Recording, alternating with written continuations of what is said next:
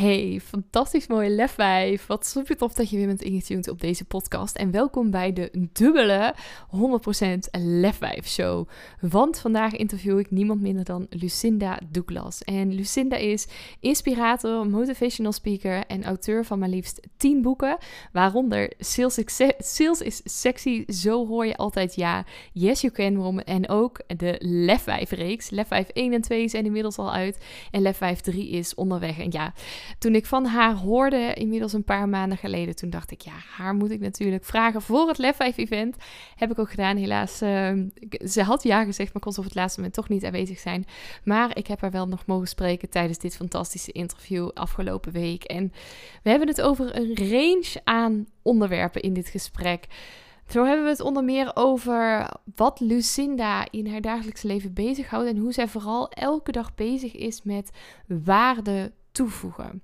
Hoe zij kijkt naar lefdaden en vooral ook hoe ze daarin haar perspectief beleeft vanuit lefdaden in het verleden en hoe ze kijkt naar de toekomst. We hebben het over geloven in jezelf en het verschil tussen geloven in jezelf en zelfliefde. Over waarom je zou moeten stoppen met vergelijken, over welke basis je nodig hebt om gelukkig te kunnen zijn in het hier en nu. Hoe je discipline creëert en waarom inspiratie met momenten ook heel tof is, maar ook echt heel waardeloos kan zijn. Kortom, en, en zoals je in het interview ook zult horen, is Lucinda heel open en heel eerlijk over haar visie op deze wereld. Waar ik zelf ook met momenten met verwondering naar heb zitten luisteren.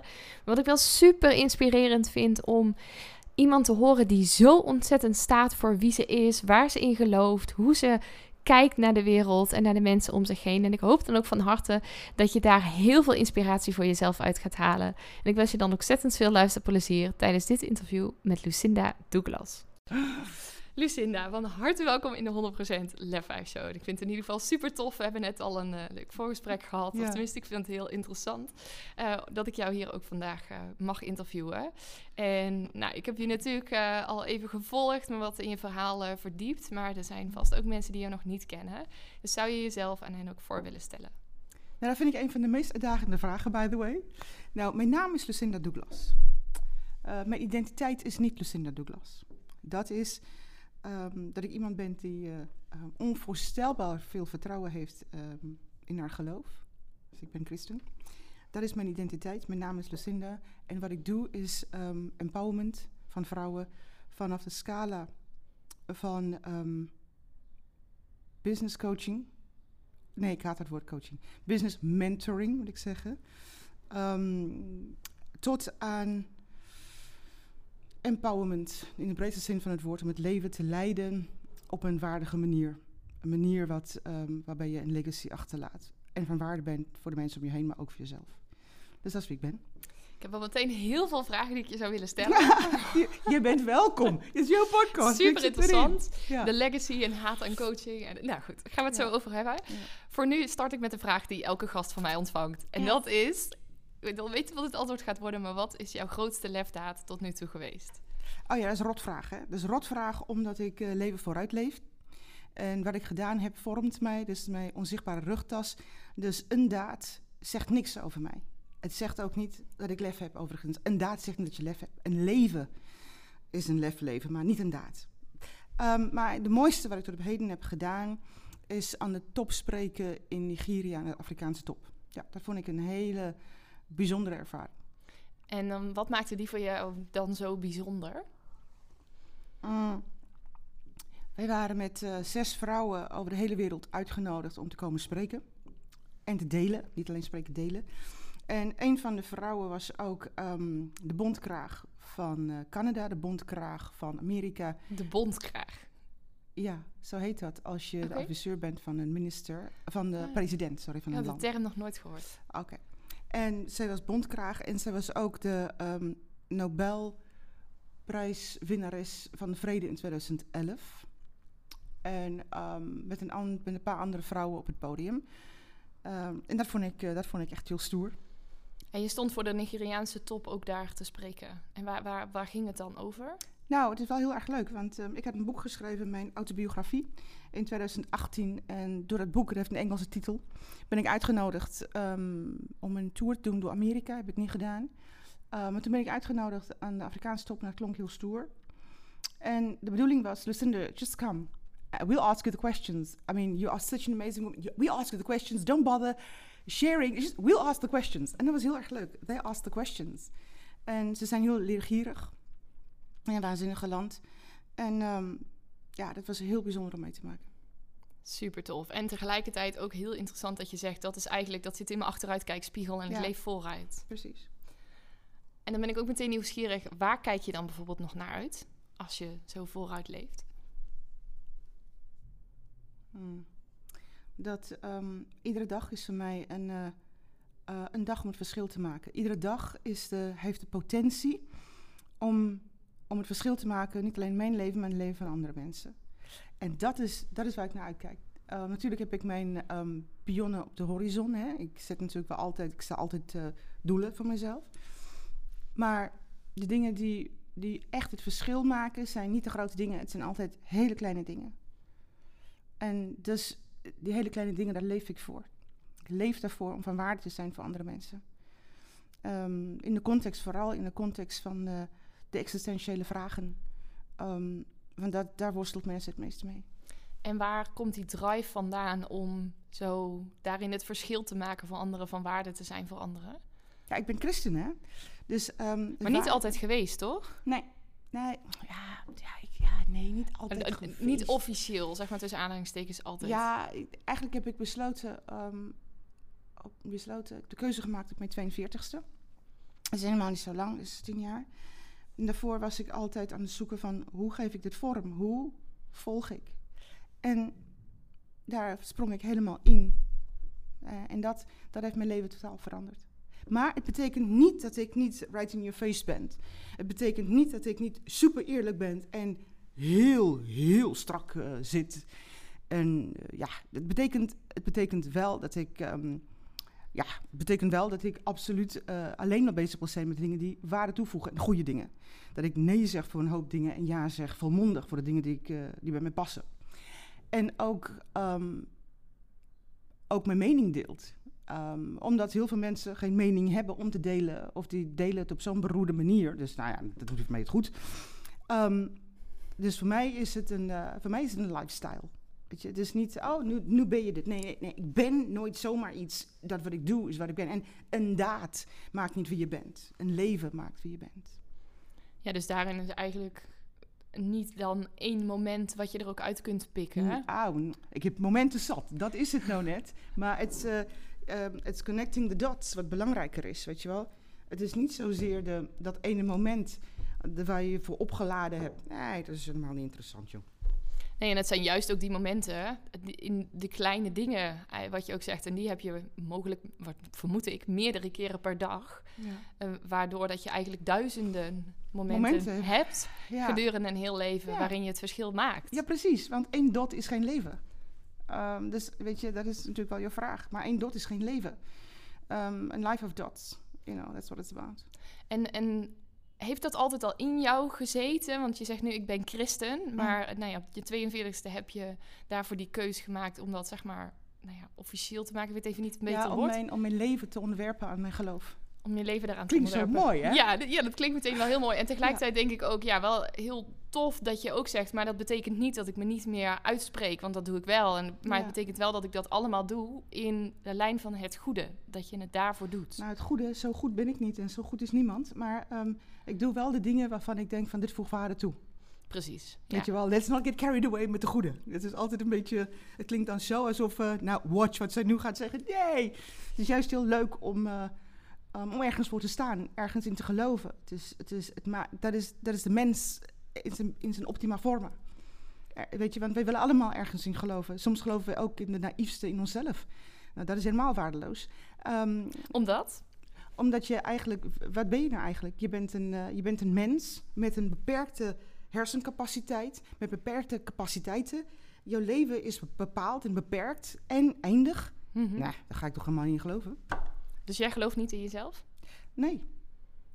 Ik hoef het ook niet. Hè? Mm -hmm. Ik hoef niet. Ik vind het, ik vind het een. Uh, het is net zoals de term trauma. Het is weer geloven in jezelf. Wat is dat eigenlijk? Iedere keer zeg ik aan mensen, en hoe uit dat zich geloven in jezelf? Nou, dan, dan hoor je mensen stuntelen. Wat is dat geloven in jezelf? Ik geloof wel dat ik de capaciteit heb om bepaalde dingen te doen. Mhm. En ik doe het ook. Maar ik hoef er niet te geloven, weet je. Ik doe het. Voor mij is het niet, ik moet erin geloven. Ja, boeit me echt niet. Ik doe het gewoon, klaar. En dat is, daar is geen geloof voor nodig, kan ik je verzekeren. Ja, en ik vind het wel interessant, want ik zie heel veel vrouwen die daar wel heel anders in staan. Die zeg maar, maar dat is misschien ook het woord wat je eraan geeft, die dus niet in zichzelf geloven en vanuit daar denken dat ze het niet kunnen.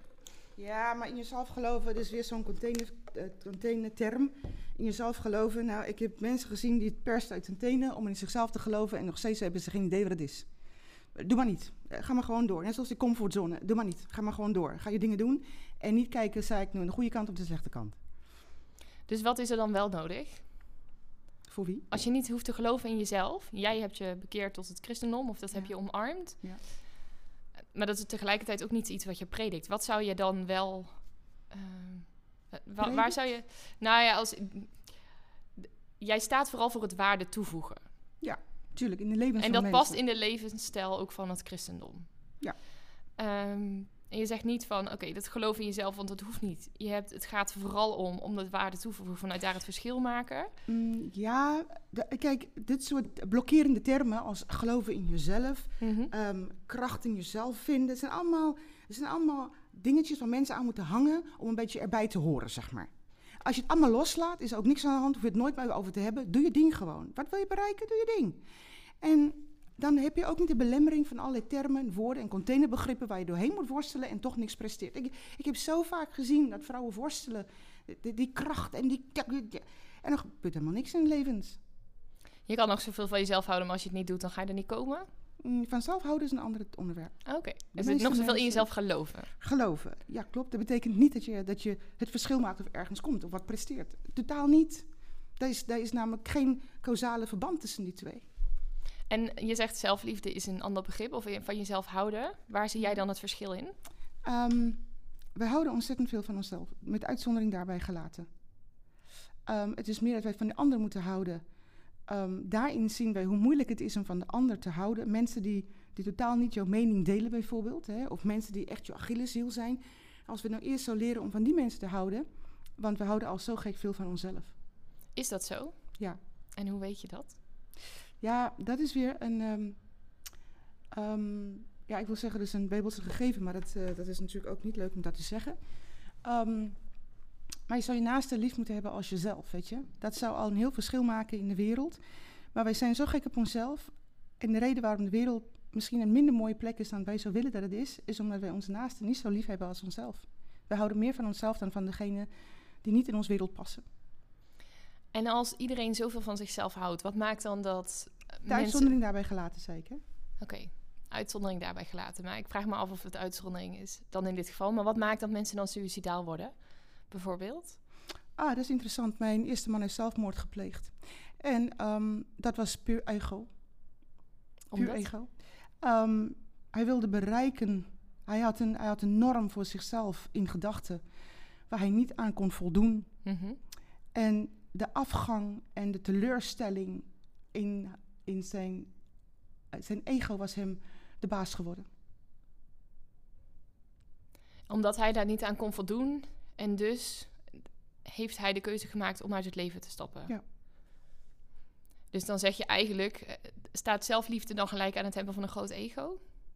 Nee, dat zeg ik niet. Hè? Nee, dat, Nee, dat zeg ben ik ik niet. benieuwd. Dus dat zou een vraag moeten zijn. Eh, zelfliefde. Ehm, nee, dat betekent niet noodzakelijk dat het zo is. Ehm, maar die, die zitten wel vaak bij elkaar in de vaarwater. Dat, eh, dat is wel zo. Ja.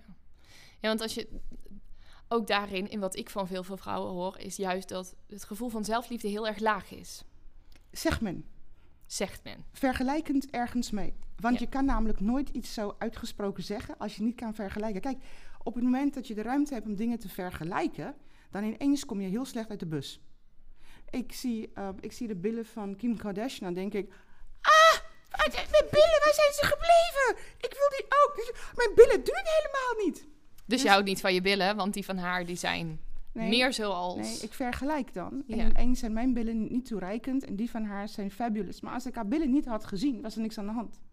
Dus net zoals... ehm, kinderen die diep ongelukkig zijn omdat ze in armoede leven in Nederland. Ja, dat is interessant. Dat is alleen omdat ze kunnen vergelijken. Ja, ik heb in Afrika ook zat plekken gezien waar overal hetzelfde armoedeniveau heerst. En dan zijn die kinderen stik gelukkig. Dat ik denk, ik zou... Nou, het geluk is het niet. Dat heel veel Europeanen gaan naar, ehm naar Afrikaanse land toe en zeggen de mensen daar glimlachen zo breed en ze zijn gelukkig. Nou, dan, dan weet je niet wat geluk is en dan weet je niet wat ehm, berusten in de situatie is. Dat is een groot verschil tussen die twee. Ja. Want ehm, als je een Europees paspoort hebt en je kan erin vliegen en eruit vliegen, dan zie je wat je wil zien. En als je daar leeft en je, je kan geen kant op, dan is het heel anders. Die ken ik. ja, je hebt daar meer dan twintig jaar gewoond. In Kaapstad in ieder geval. Ja. Ja. En je zegt, het- en dat vind ik wel een hele interessante, dat is een verschil tussen berusting in de situatie en geluk. Ja. Waar zit voor jou dat verschil in? Ehm, meer heb je namelijk niet. Bij berusten is het zo, hè, als, je, als je weet hoe het is als een gezin van 12 ehm, in de berm wonen zonder enige vorm van wc, geen slaapplaats, alleen plastic zakken. Dan, ehm, en dat ik, heb ik heel vaak in mijn leven gezien. En ehm, deze kinderen rennen rond ehm, met, een, eh, met, een, met een plastic flesje, een cola flesje, daar op dat eh, drie vierkante meter die ze hebben. Europeanen komen langs en zeggen: Oh, kijk, deze mensen zijn aapjes kijken, hè? die zijn zo gelukkig. Nee, die zijn niet gelukkig, die hebben geen opties. Die hebben geen andere optie dan in de vuilnisbelt leven. En dat is wel mijn leven geweest om het allemaal mee te maken en te zien. Dus ik zal nooit zeggen: Oh, wat zijn deze mensen gelukkig? Oh, please. Dan bepaal je alleen maar vanuit je eigen luxe perspectief. Kijk eens hoe gelukkig die mensen zijn. Dat is heel naïef. Ja, dus het is ook in die zin heel erg kijkend naar. De... Eigenlijk wat je zegt is: op het moment dat je puur en alleen bij jezelf zou blijven en je zou nooit vergelijken. Ja. eh, en vanuit zo'n situatie je naaste lief hebben en dan waarde toevoegen, dan is eigenlijk, dan leef je. Ja, ik dit is ook weer zo'n stomme term dan. Maar dan, dan eh, leef je het leven zoals het misschien bedoeld is? Of Ik weet niet of het zo bedoeld is, maar wat ik wel weet is dat ehm, eh, comparison is the killer of joy. You know, comparison kills all joy. Het moment dat je kan vergelijken. Kijk, de ellende waarom, het, waarom wij het zo, ehm, zo ongelukkig zijn in het westerse cultuur, is omdat wij altijd zien dat de, degene naast ons heeft een mooiere auto, een mooiere vrouw, een mooiere huis, eh, al dat soort dingen. En daar worden we diep ongelukkig van. Nou, als je dat in ieder geval voor jezelf weet, dat geluk, hè, het oppervlakkige geluk zo werkt, dan is het ook heel goed om te zeggen dat wat ik heb, ook al is het drie keer niks, daar ben ik gelukkig mee en ik ga niet meer vergelijken. Kijk, dan zit je op een andere mindset. een en hoe doe je switch. dat? Door puur en alleen te accepteren dat wat ik heb is wat ik wil en ik wil niet meer dan dit. Dan, dan, heb, dan heb je al de basis voor, hè, hè, ik ben af van het vergelijken, ik dus hoef niet meer. Ehm, als ik blij ben met 3000 euro in de maand, weet je wel. Ehm, en ik kan daarvan rondkomen, dan ben ik de gelukkigste mens. Oké, laten we even inflatie erbij doen, weet je, zo. Ehm, maar met, eh, met 3200 ben ik de gelukkigste mens op aarde. Ook al heeft de buurman 20.000 in de maand. Weet je, dat. En dat is dan eigenlijk een basis van een heel mooi concept. En dat geeft je veel meer geluk. Want dan ben je, ben je ook van die vergelijking af. Hoop gezeik, hoop gezeik. En hoe krijg je dat dan voor elkaar? Want ik ben het eens, dat is ook een, het is ook een besluit wat je maakt. Ik stop Keuze. daarmee. Het is een keuze. En hoe houd je die keuze vast? Ja, maar keuzes vasthouden is puur discipline. Hè? Het is net zoals, ehm, ik ben aan het afvallen. Gisteren had ik een, eh, een dagje waar ik één blokje chocola nam, ook al was het 80%. Maar het is, het is wel afwijken van de discipline. En als je afwijkt van de discipline, is het resultaat dat je niet vol kan houden aan dat wat voor jou belangrijk is, schijnbaar. Vraag is of het zo belangrijk is als je afwijkt ervan. En hoe creëer je discipline? Door, de, door, door stil te zitten. nee, Ehm, ja, ik ben gedisciplineerd opgevoed. Mhm. Uh, hoe komt dat? Ehm, ik was al vanaf mijn tiende dag, ik ben, mijn moeder was katholiek, dus alle kinderen katholiek. Dus vanaf mijn tiende dag zat ik in de kerk. En ehm, iedere zondag. Vanaf dat je tien dagen oud was, bedoel je? Ja, ja. dat is een, eh, zo'n Ja. gewoonte. Maar dus je moet je voorstellen, de meest vervelende dingen, ehm, zoals een dienst uitzitten van anderhalf uur. En op een gegeven moment dacht ik, ah, ik snap hier niks van. Oh, dan dacht ik, oh, dan ga ik het in het Latijn leren, want dat was een Latijnsdienst. Dus, oh, dat kan ik ook zeggen. Ja, en ik kan het in Engels, ja, en ik kan ook. Dus ehm, door sommige dingen te doen die helemaal niet leuk zijn, en toch wel door te zetten, door te zetten, hè, ehm, leer je eigenlijk wel discipline. Iedere ochtend om zeven uur opstaan is niet leuk. Vijf uur hier. Wat? Vijf uur sta ik op. Oh ja, je hebt twee kinderen. Ehm, whatever. Maar ehm, je moet je ook afvragen, is het zinvol? Ehm, maar het, om discipline te kweken, is het, als dat het doel is, dan is het goed. Ja, doel, in, in mijn geval even met een zijpaadje is niet het doel eh, om discipline te kweken. Bij mij is het doel, dan ben ik veel relaxter naar mijn kinderen toe. En dat vind ik het belangrijkste wat er is. Ja, dat is een, dat is een hele mooie streven. En als het zo werkt, dan heb je, dan heb je een middel gevonden om je doel te bereiken. Precies, ja. Ja, nee, top. En dan op een gegeven moment vraagt het ook geen... Het, is wel zo, in het begin, op het moment dat je dat soort dingen gaat doen, vraagt het discipline. hè. En daarna op een gegeven moment ben je het zo gewend, dan vraagt het geen discipline meer, want dan is het de gewoonte. Ja, ja, dat is maar de vraag of het echt zo is. Maar dat is een goede aanname. Ja, en nog steeds zijn er momenten waarop het wel discipline Ja. vraagt. Ja, eens. Maar dan is het eigenlijk wat je zegt dus... Stoppen met vergelijken met anderen. Ja, Zorg dat je discipline kweekt. Want jij zegt, ik heb het vanuit opvoeding meegekregen. Maar ook. Ook, maar ieder, het is niet iets wat, ehm, het is niet iets wat soort van standaard erin zit hoor. Het is iets wat je voortdurend moet blijven ehm, voeden en kweken. Maar ook de beslissing nemen om bijvoorbeeld te zeggen: hé, hey, weet je wat? Het boeit me echt niet. Het boeit me echt niet. Materialistische dingen boeien me niet. Ehm, dus ik heb daar geen last van. Ik heb gekozen om te zeggen: dat vind ik helemaal niet interessant. Wat ik veel belangrijker vind, is dat mensen. ehm, dat, dat, dat ik omringd word met waanzinnige fijne mensen die ehm, soms helemaal niks hebben en ehm, heel wijs zijn. De hele andere keuzes, ehm, want wij koppelen altijd rijk en gelukkig alsof het één zinnetje is. En dat is heel gênant, want de meest... ja, en de vraag is ook dan, wat is rijk? ah nee, wij, wij- in, in onze westerse wereld hier... dan Is rijk gelijk aan geld? Rijk is altijd gelijk aan geld. Mensen met geld hebben meer aanzien en respect. En waardering in het maatschappij. Maar dat is ook de definitie die je er dus zelf aan geeft. Nee, dit is, dit is niet mijn definitie, dit is een algemene definitie. Mijn definitie van rijk zijn En mijn is heel anders namelijk. Ja, maar laten wij, ehm, laten wij niet de, de marges opzoeken en zeggen dat is de definitie. Laten we het houden bij zoals het gezien wordt door de Ja. massa. Oké, eens. Ja. En dan wou ik net iets vragen, maar dan ben ik mijn vraag kwijt. Maar ik ga nog even... Lijstje maken, lijstje maken. Nee, dat doe ik niet aan. Ik ben van in het moment, dus ik vind, Oh, leuk, ik leuk, vind dit soort dingen heel erg. Oh. Waar ik nog wel nieuwsgierig naar ben, want je in het begin zei dat je een legacy achter wilt laten. Als je het hebt over je wil waarde toevoegen en... nee, ik en- niet, hè. Dat de andere een legacy achter wil laten. Dat, dat mensen een legacy achter wil laten. Toen je jezelf voorstelde. Oh, dan zou mijn legacy alleen maar zijn van mijn kinderen. En, en wat dan voor je kinderen? Gewoon dat ze er zijn, of zit daar ook nog iets meer bij? Oh, nee, dat ze een moeder hebben die... ehm, een energieke moeder. Die, ehm, ehm, die ongeacht de situatie staat. Ehm, die, no- die, die nooit zegt van... eh, nou ja, laat de ander het maar doen. ehm, ik zie het niet zitten. Nee, weet je, mijn kinderen weten als er iets moet gebeuren. Hé, hey, mam, die, die fixt het wel, weet je wel. En dat, dat vind ik, als je het hebt over de big legacy, is dat het voor mij. Dat je er bent voor je kinderen. Nou, ook. Maar dat mijn, dat mijn kinderen ook ehm, met normen en waarden opgroeien. Dat ze ook mogen weten wat hun identiteit is, net zoals ik dat heb. Dat En dat is niet je, je naam. Nee, Dat is niet wat je doet. het is niet mijn naam, is niet mijn kleur, dat is niet mijn eh, uiterlijk, is niet mijn, eh, wat ik heb. Is niet mijn eh grasmat in de tuin, nee. Is dat altijd al zo geweest? Dat je jezelf op die manier identificeert? Met mijn, met mijn geloof? Ja? Ja, dat is wie ik ben. En, en je, zei al toen, mijn beslissingen vloeien voort daaruit. je zei toen straks dat je vanaf dat je tien dagen oud was al in de kerk zat. En dat je, eh, ik weet niet meer exact wat je woorden waren, maar dat je dacht van wat is dit, zeg maar. Ja. Het klonk alsof je het toen niet heel erg naar je zin had, maar misschien heb ik dat verkeerd geïnterpreteerd. Nee, dat klopt. Ik wist, ik wist het En nu ben je christen. Ja, Dus leg me eens even uit, hoe is dat Hoe gegaan? gaat zo'n pad? Nou, in, is, om te beginnen is katholiek zijn, voor mij in ieder geval zoals eh, katholiek was, een fantastisch mooi ritueel. En ehm daar zit ook een stuk spiritualiteit in. De Mhm. kleuren, de geuren en al dat soort dingen. En ik denk, wat ik al eerder zei, mensen zijn ongeneeslijk ehm, religieus, moet ik zeggen. Niet spiritueel, religieus. En dan, En- wat bedoel je daarmee? Ongeneeslijk religieus? Wij, wij, wij willen allemaal dat stuk ehm, super, supernatural.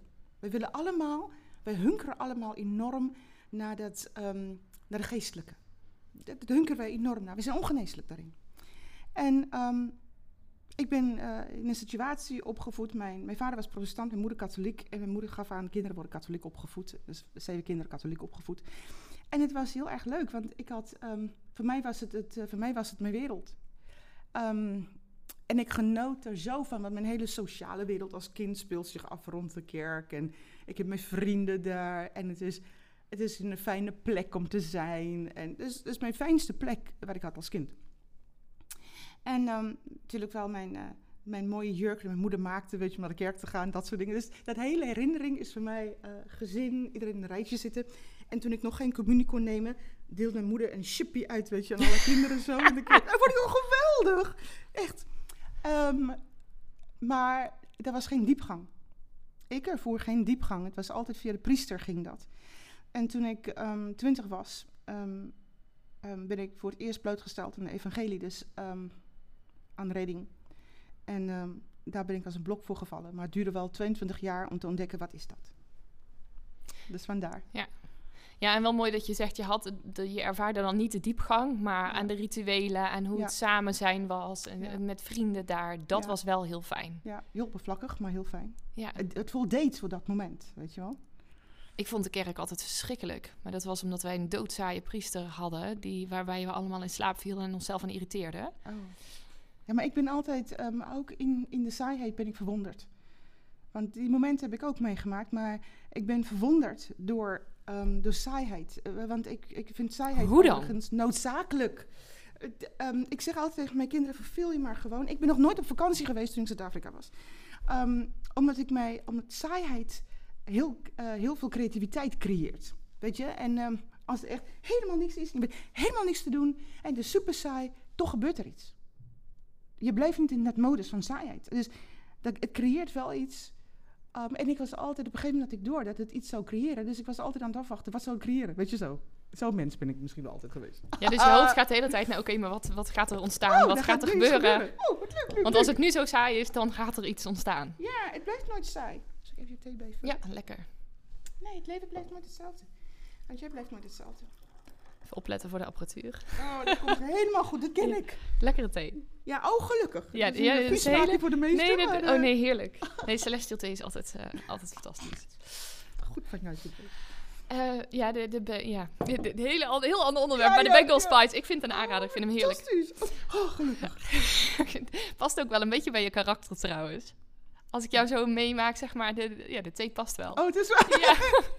Oké, ik zal het even opschrijven. Ja, hey, um, en eventjes, want ik kom straks nog terug op dat, dat stukje van, uh, van Rijk waar ik een beetje vastliep net. Mm Maar um, mm -hmm. uh, jij zei in het begin, je hebt een hekel aan coaching. Ja. Of in ieder geval het woord. Ja, iedereen is een coach. Iedereen is een coach um, en ze komen voor 95% uit de ellende. Dus um, ik heb burn-out gehad, dus um, ik heb de opleiding gedaan tot coach. En nu ga ik jou coachen, want ik ben ervaringsdeskundige. En dat is heel zielig. Um, want een ervaringsdeskundige is niet um, degene die het objectief kan delen. De ervaringsdeskundige is degene um, die vanuit een andere invalshoek of diverse invalshoeken zou kunnen kijken. En dat maakt, um, dat maakt dat het werkt. Maar kijk, het is net zoals. er was laatst zo'n onderwerp of een artikel over zoveel coaches. Nou ja, prima. Je moet je wel voorstellen hoe leger de kerken lopen, hoe meer mensen toch wel inspiratie en motivatie nodig hebben schijnbaar, blijkbaar zijn we ongeneeslijk. Hè? Ongeneeslijk religieus, alleen nu is het spiritueel, het nieuwe woord. Ja, dat is geen nieuwe woord, dat is best wel een zielige woord. Maar um, uh, het is namelijk wel zo dat... Het is leuk hè, als je geïnvloed wordt voor een podcast. Ik ga ook tegen mensen zeggen, zeg maar wat je leuk vindt.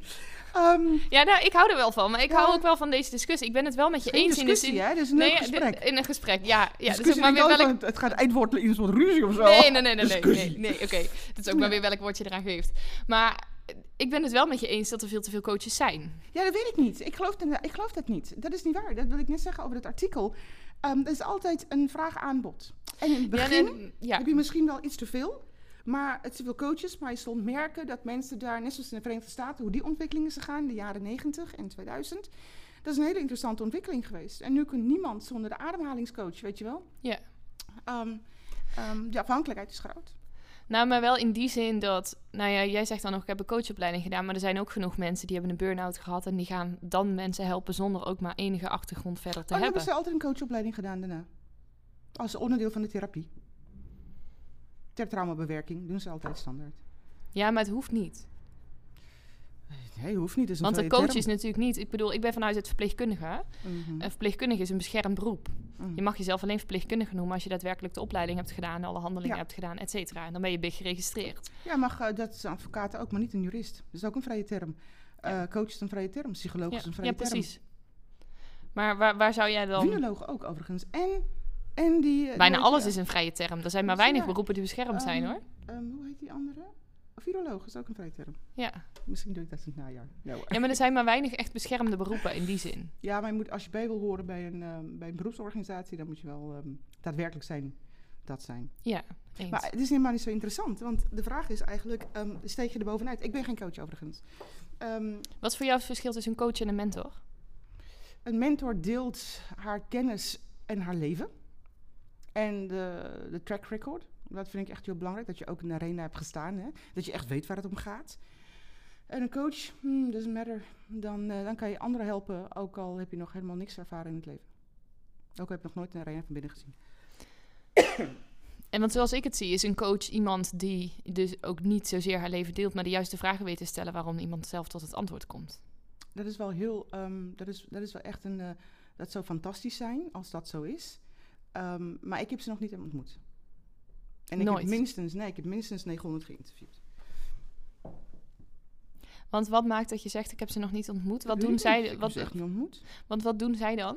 Van alles. Kijk, goede vragen stellen is afhankelijk van aan wie je de vraag stelt. En wat is je beweging? Wat, wat, wat, wat, gaat Wat de maakt een vraag een goede vraag dan? Dat je echt in beweging zet. Mhm. En de meeste mensen stellen maar geen goede vragen, joh. Die stellen maar gewoon de vragen een beetje om de, om de tuin heen en om zichzelf heen. Dus de hele goede vragen, dat wordt helemaal nog niet gesteld. Want wat is een goede vraag? I don't know, depending on the situation. Afhankelijk van wie er tegenover je zit. Ook. Maar dat is af- afhankelijk van, wat is het doel? Maar hoe bepaal je dan... Ik ben gewoon even nieuwsgierig, hè? Hoe bepaal je dan of je dan dus goede vragen stelt of niet? Is het altijd afhankelijk is van wie er tegenover je zit en wat het doel is? Ja, maar je kan toch nooit dezelfde vragen stellen aan, dezelfde, aan, mensen, aan Nee. verschillende mensen? Nee. Dus iedereen heeft een andere vraag nodig om in beweging te komen. Ja. Kijk, wat ook leuk is aan coaches ten opzichte van psychologen, ehm, is dat een, eh, een, een coach alles eraan doet om je in beweging te krijgen. Dat zou het wel moeten zijn. Ja, Maar die Eens. zijn va- zo vaak zo druk met zichzelf en hun eigen hang-ups, dat, ehm, dat, dat echt die anderen in beweging krijgen, lukt eigenlijk haast nooit. En een psycholoog, nou dat is toch helemaal geweldig, dat wil ik ook op een dag worden, denk ik. Die hoeft alleen maar te zitten en te zeggen, en wat vind jij ervan? Nou, dan kletst hij een uur vol. Nou, heb je, kan je weer je bedrag eh, factureren. En dan zijn we weer klaar. Hoef je echt werkelijk niks te doen. Eh, mijn zus is psychotherapeut. En ehm, ze zei, ik had laatst een klant. En ze woont in Frankrijk. En die klant kwam alleen maar omdat de klant stil wilde zijn een uur lang. Nou, er zijn een paar van die klanten. Die komen dan een uur lang stil zijn. kan je toch gewoon even naar de hei? Of gewoon in je slaapkamer gaan zitten? Nee, dat is anders. Als je in de bijzijn bent van iemand, ehm, is het anders. Als ik een uur met jou stil zou zijn en wij kijken alleen naar elkaar, Mhm. dan ontstaat er al heel veel. Ja. En als je op de hei gaat zitten, de vergelijking gaat niet, het is niet hetzelfde. Nee, maar dan heb je het dus ook over de interactie tussen de mimiek onderling. Ja, mijn zus was vooral niks aan het doen. Dat is erg leuk om te doen, by the way. Dus zijn echt de, we zijn totaal weg, weg van mensen. We, zijn we houden van mensen. Dus en als is je het dan geweldig. hebt over waarde toevoegen? Ja. in hoeverre voeg je dan waarde toe? Ehm, afhankelijk van de situatie. Ik denk dat ik altijd waarde toevoeg. Maar bijvoorbeeld als een psycholoog of een psychotherapeut of als een coach, hoe kijk je daar dan tegenaan? Oh, ik denk, ehm, kijk, het is niet zozeer afhankelijk van de, de stempel qua beroep. Het is afhankelijk van de persoon. Mhm. En wie is die persoon en wat is de levenservaring van die persoon? En vooral, wat is de invalshoeken van die persoon? De meeste mensen kijken alleen maar ehm, vanuit de optiek waar ze zelf vanuit komen. Een beschermd wereldje, weet je wel? Een beetje keurige dit en keurige dat. Kijk, ik ken ook mensen die altijd riepen, als psycholoog kan ik, ehm, kan ik eh, trauma, eh, oorlogstrauma's, kan ik eh, helpen verwerken. In Nederland is het best oké. Nou, mensen komen uit de veteranen, nou, die hebben PTSS en eh, allerlei andere toestanden. Heel ernstig natuurlijk. Maar toen kreeg ze echte oorlogskandidaten. en toen, is ze besloten, toen heeft ze toch wel besloten om te stoppen met haar beroep. Maar ze maakt zichzelf belachelijk. Want het is allemaal in de, in de, in de, in de veiligheid is alles wel leuk. Maar op het moment dat het niet meer zo keurig en veilig is als wat je kent en weet, ja, dan weet je, dan val je door de mand. En dat, dat, is, dat vind ik dan heel moedig van haar. Kijk, zo iemand kan ik echt mee praten. Dan denk ik, wauw, je hebt je wel gezien, ehm, mijn capaciteiten gaan tot hier en niet verder, ongeacht wat ik op mijn kaartje heb staan. Moet je dan zelf in zo'n situatie gezeten hebben Nee, om mensen te kunnen nee helpen? maar je moet wel een wereldbeeld hebben. En niet dat bescheiden, keurige, of niet dat beschermde, keurige wereldbeeld wat we hier hebben in, je, in Nederland is helemaal een dierentuin natuurlijk. Het is het Kroeg Nationale Park, vandaar dat het zeggen. In, Ehm, qua vergelijking, qua grootte ten opzichte van de rest van de wereld. Ja, het is de Kroegen Nationale Park. Een land wat ik wist namelijk niet eens dat het bestond. Eh, dus eh, wat dat betreft is het maar, ehm, je moet je voorstellen, het is de, de, het, je hebt ook de mogelijkheid om heel veel propaganda hier te delen, want het is maar een heel beschermd land. Eh, Weet je, van de, vanuit de EU ehm, is er bepaalde nieuws ook op sociale media dat door mag komen en soms niet. Dus mensen zijn erg Eens. beschermd opgevoed, of leven heel beschermd hier. Als je het hebt over het nieuws en zo. Als je het hebt over ehm, ja, social. Eigenlijk de hele media. Ja. ja. Maar is ook, alles is beschermd, hè. Je bent, van je wieg tot je grafje ben je beschermd hier. Eens. Ja, daar kan ik het niet anders dan eens mee zijn. En als je het dan hebt over... ehm, wij zijn op die manier beschermd opgevoed. Ja. Jouw visie ook op, op coaching. Wat zou er dan nodig zijn om echt een goede coach te zijn? Nee, nee, dat is, daar ga ik me niet eens eh, mee bemoeien. Ehm, het maakt niet uit. In de landen der blinden is één oog koning. Dus ehm, een goede coach hoeft niet te bestaan. De meeste mensen zijn al onder de indruk als iemand zegt ik ben coach. En ehm, dat ze überhaupt met de coach meelopen. Dus het is niet zozeer wat je doet met de coach, het is dat je een coach hebt. Ik heb wel eens klanten gehad die uit Berlijn kwamen, daarom zit ik heel dicht bij het station. Uit Berlijn kwam met de trein en doorging naar Parijs toe. En hier kan je dan uitstappen. Mhm. En de moment, van, ehm de moment wat, wat de meeste indruk heeft gemaakt op ze, is als je de trein instapt in Berlijn tot aan Apeldoorn. Want dan gaan ze het meeste ehm, ehm, opdrachten of werk wat ze moeten doen, doen ze in die tijd. En dan komen ze bij mij voor een beetje inspiratie. En dan gaan ze gewoon weer verder met, ehm, met het verwerken daarvan. Dus eigenlijk, weet je, het is meer wat voor doel wil je bereiken. Ik hoop dat je een doel wil bereiken als je een coach hebt. Ik denk het wel. Dat zou, dat zou Anders zou het een beetje dom zijn. Nou, ik heb al heel veel klanten gehad die alleen mij had als een nice to have. Ik weet niet waarom je dat zou doen. Maar ehm, dat betekent... Maar als je, je hebt het zelf ook gedaan. Een nice to have? Ja, je zegt, je, je zegt ik weet niet waarom je dat zou doen. Als klant zijnde of als... Ja. Mijn klant, ik niet. Oké, Ik ben ja. een coach gehad, ben ik ook niet van plan om te hebben. Ehm, maar je moet je voorstellen, dan, ehm, de meeste werk wordt wel gedaan aan de hand van het doel die je stelt met diegene. Mhm. En, en sommige mensen die, die willen niet werken aan doelen. Die willen alleen maar komen en geïnspireerd raken. Daarom, ik begon donderdag, had ik een, eh, sprak ik op een festival.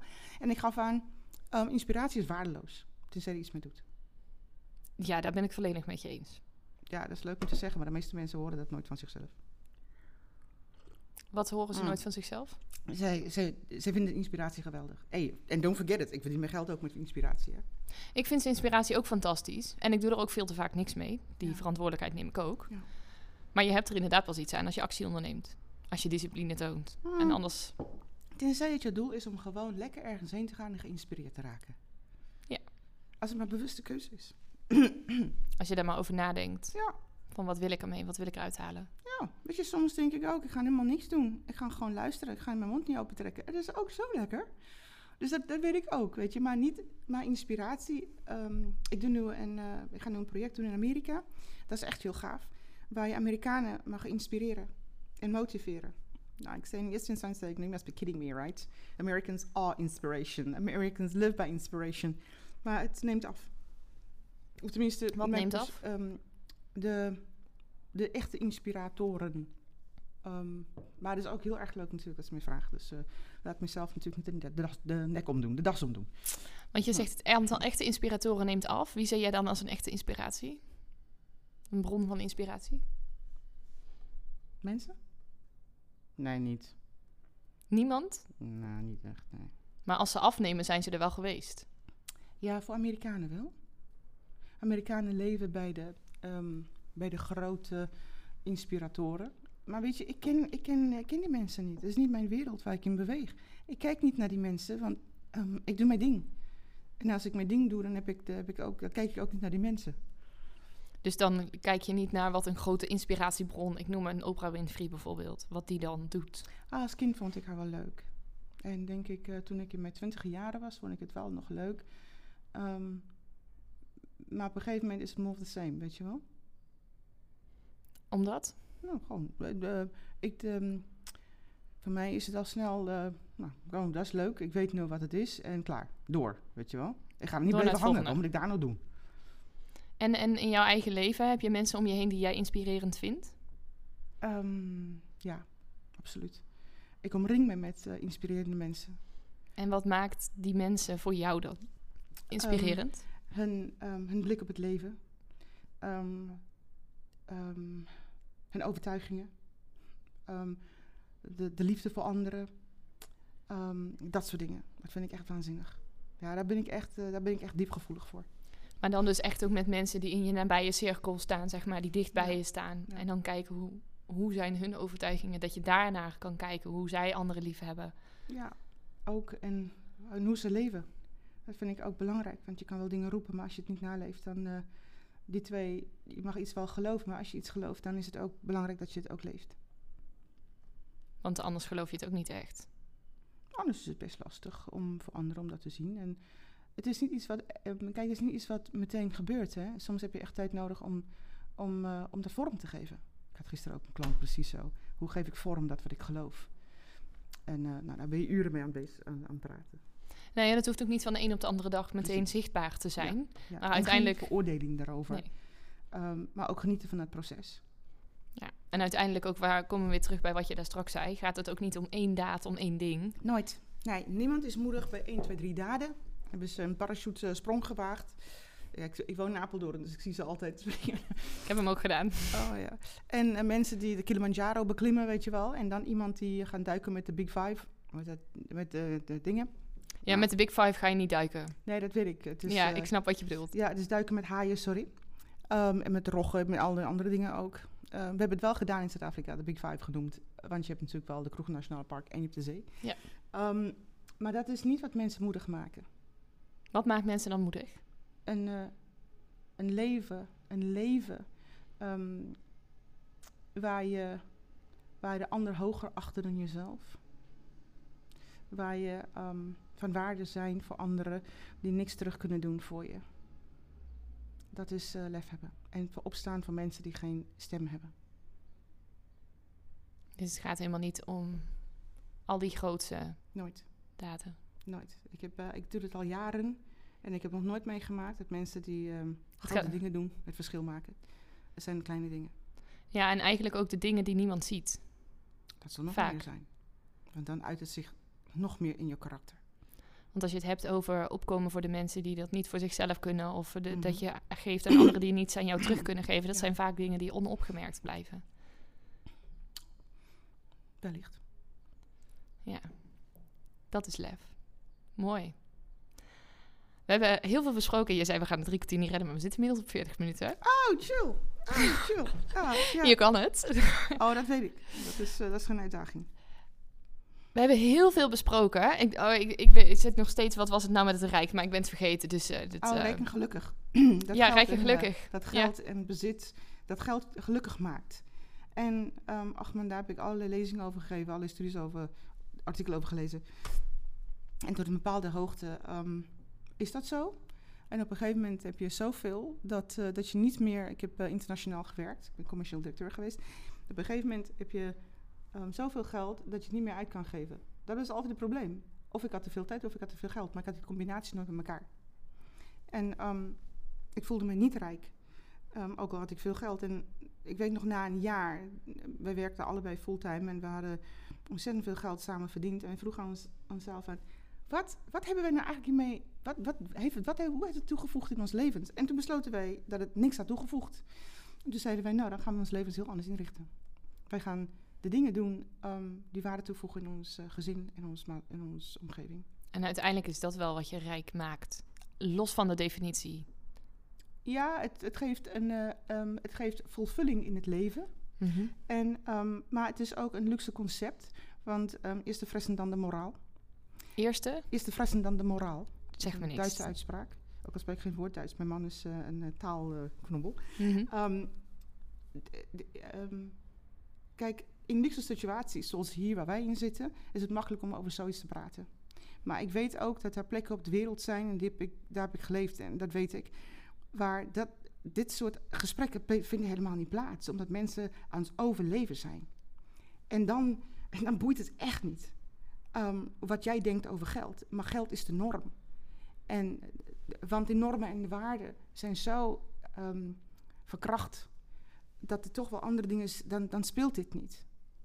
Want je, je, je, in je maatschappij wordt niet gekeken naar hoe goed ben je bezig. Maar in je maatschappij wordt gekeken hoeveel geld heb je op je bankrekening. Nou, niet dat het uitmaakt, maar dat. Nou ja, en ook wat ik wel... Ik bedoel, wat ik wel altijd geleerd heb... Ik heb het zelf in die zin niet meegemaakt. En jij staat daar wel veel dichter bij de praktijk... omdat je daar ook letterlijk gewoon gewoond hebt. Is dat... Kijk, wij hebben ook de luxe om het te hebben over zingeving en over spiritualiteit. Maar op het moment dat je niet eens de dag door kunt komen... dat je niet weet hoe jij je eten komt... Mhm. Dan heb je niet de luxe om bezig te zijn met spiritualiteit. Want dan heb je het eerste overleven. Maar dan ben je, dan ben je ook midden in jouw, in jouw ehm, geestelijke groei. Ehm, Op dat moment, als je bezig bent met overleven. ja, overleven geeft jou, ehm, ongeacht het een, eh, nee, bepaald door een narratief die je later kan vertellen. Hè. Je kan zeggen, ik heb een butleven gehad. Dat heb ik laatst ook gezegd. Ik kan, twee, twee dingen heb ik in mijn leven. Ik kan vertellen, ik een butleven heb gehad of ik heb een diep gezegende leven. En ik heb een diep gezegende leven, want ik heb heel veel butdingen mee mogen maken. en dat maakt, het, dat maakt het heel bijzonder. Dat maakt, ehm, dat, maakt dat, je, ehm, dat ik boeken kan schrijven, weet je wel, over thema's die mij diep raken. En heel veel andere mensen ook. Om- omdat je dingen hebt van diep heb ervaren. Diep, diep heb ervaren. En niet dat, eh niet dat meisjesschillende spiritualiteit, eh, waar ze eigenlijk nog niks van weten. Ze weten niet hoe diep dat gaat. Het is alleen maar een geroep omdat het interessant is, een, belang, een belangrijk doenerij. Omdat je niks hebt ervaren in het leven, zoek je zingeving. En als je, als je zingeving hebt doorleefd, dan heb je een hele andere manier van kijken. Maar dan is het ook weer, als je het hebt over vergelijken met de billen van Kim Kardashian. Dit is ook Mm. voor, on, voor mij is dit zingeving. Ja, Ik weet ook niet hoe het anders is. Dus als ik bij mezelf blijf, is dit het voor mij. precies. Terwijl ik in jouw schoen had gestaan, dan had de zingeving wellicht iets heel anders geweest voor mij. Zeker. Maar daarom leren we van elkaar. Dat is de hele bedoeling van inspiratie, om van elkaar te leren. Om te weten dat en te relativeren. En veerkracht te creëren. Veerkracht creëer door te ontdekken, net zoals een Joodse uitspraak. Oh, zo erg is mijn leven toch niet. Oh, wat ik heb meegemaakt, dat is nog niks. Als ik kijk naar de ellende van de ander. Mhm. Weet je? Dus het, is ook een, het heeft ook niet alleen een negatieve kant, maar het heeft ook een positieve kant. Dat je ook mag leren daarvan en mag ontdekken, wauw, zo, ik, ben, ik heb eigenlijk niks te klagen. Dat Nee, dat ben ik wel met je eens. Maar als je dan zegt het is eigenlijk belangrijk doenerij, dat ben ik niet met je eens. Want voor mij is dit bijvoorbeeld niet belangrijk doenerij. En ik weet dat er heel veel mensen met me zijn die dit op dezelfde manier waarschijnlijk zouden zeggen. Oh, je bedoelt die die op zoek zijn naar spiritualiteit? Ja. Vanuit mijn bed, zeg maar, mijn huis is dat niet belangrijk doenerij. Ja, snap ik. Als je hem dan gaat vergelijken, maar ja, we hebben het er straks over gehad dat we dat eigenlijk niet meer moeten doen, dan snap ik je perspectief. Ja, maar vergeet niet, hè, het is ook belangrijk om te kijken naar ehm, wat is de nut van inspiratie eigenlijk? Om, ehm, al- en als mensen dingen hebben bereikt, hè, als, als, iemand, eh, ehm, als iemand bijvoorbeeld, een, ik heb iemand- in mijn netwerk die kan een bedrijf opzetten, bijvoorbeeld binnen drie maanden met een waarde van een paar miljoen. Dan ga ik niet kijken naar, oh, maar, maar, ik, maar zoals ik het doe, doe ik het hartstikke goed. Nee, dan ga ik vooral kijken naar, oké, what are you doing? Weet je wel? Dus laten we niet vastzitten in één ding met de billen van Kim Kardashian. Want die billen van Kim Kardashian boeit me echt niet. Dat is, dat is niet life-changing voor mij. Maar de manier waarop hij zijn, de gedragingen en how he's wired, is voor mij wel heel belangrijk om naar te kijken als het gaat om de business. Ja, maar dan heb je het inspiratie vanuit positieve zin. Dat je dus ga- wel gaat vergelijken met de ander, maar Het is daarvan... geen ga- vergelijk. Nee, het is gaat kijken hoe kan je daarvan leren. Ja. Hoe kan ik beter worden? Hoe kan ik uiteindelijk meerwaarde toevoegen doordat ik daar naar jezelf. kijk? En ook naar jezelf kijken op een andere manier. Hè? Ook niet jezelf zo interessant of belangrijk vinden. De, heel veel mensen vinden zichzelf interessant en belangrijk. En dan denk ik, wow, dat is echt dat is zo jammer, want je bent zo saai. Maar dat vind ik, hè. En ik ben er altijd heel eerlijk in, want ik heb heel veel mensen die naar me toe komen en zeggen... ehm, hoe kan ik mezelf ontzettend zichtbaar maken? En dan zeg ik, ehm, eh, door eerst al die maniertjes af te leren. Want ze zijn zo vermoeiend. En niemand, eh, weet je, ik word natuurlijk wel veel gevraagd internationaal. En dat snap ik ook wel, omdat ik een bepaalde manier van kijken en doen heb. Ehm, maar als je alleen maar gewend bent in Nederland, dan, dan, dan komt het bijna kinderlijk over. Dus je zou je horizon toch wel moeten verbreden en kijken van, hé, hey, hoe kan ik leren van andere dingen? Weet je, om toch wel dat, dat savviness en dat smartness toch wel meer onderdeel te maken van je leven, zeg maar. En wat voor maniertjes moet je dan afleren? Oh nee, dat is heel verschillend. Dat is heel verschillend. Ehm, eh, het is de, bij, bij iedereen, ik kan het, eh, weet je, op het moment dat, dat ik in gesprek ben, dan zie ik natuurlijk wel wat voor belemmerende maniertjes er zijn. Zelf heb je het niet in de gaten, hè, want je hebt de balk in je eigen oog. Ehm, maar het is vooral omgaan met mensen die anders denken dan wat jij denkt. want wij, wij vallen altijd in dezelfde ehm, ellende. En dat is altijd met mensen omgaan die op ons lijken. Eens. Want daar heb je niks aan namelijk. Die, die praat je altijd naar de mond. En geen woord daarvan is waar. Geen enkel woord?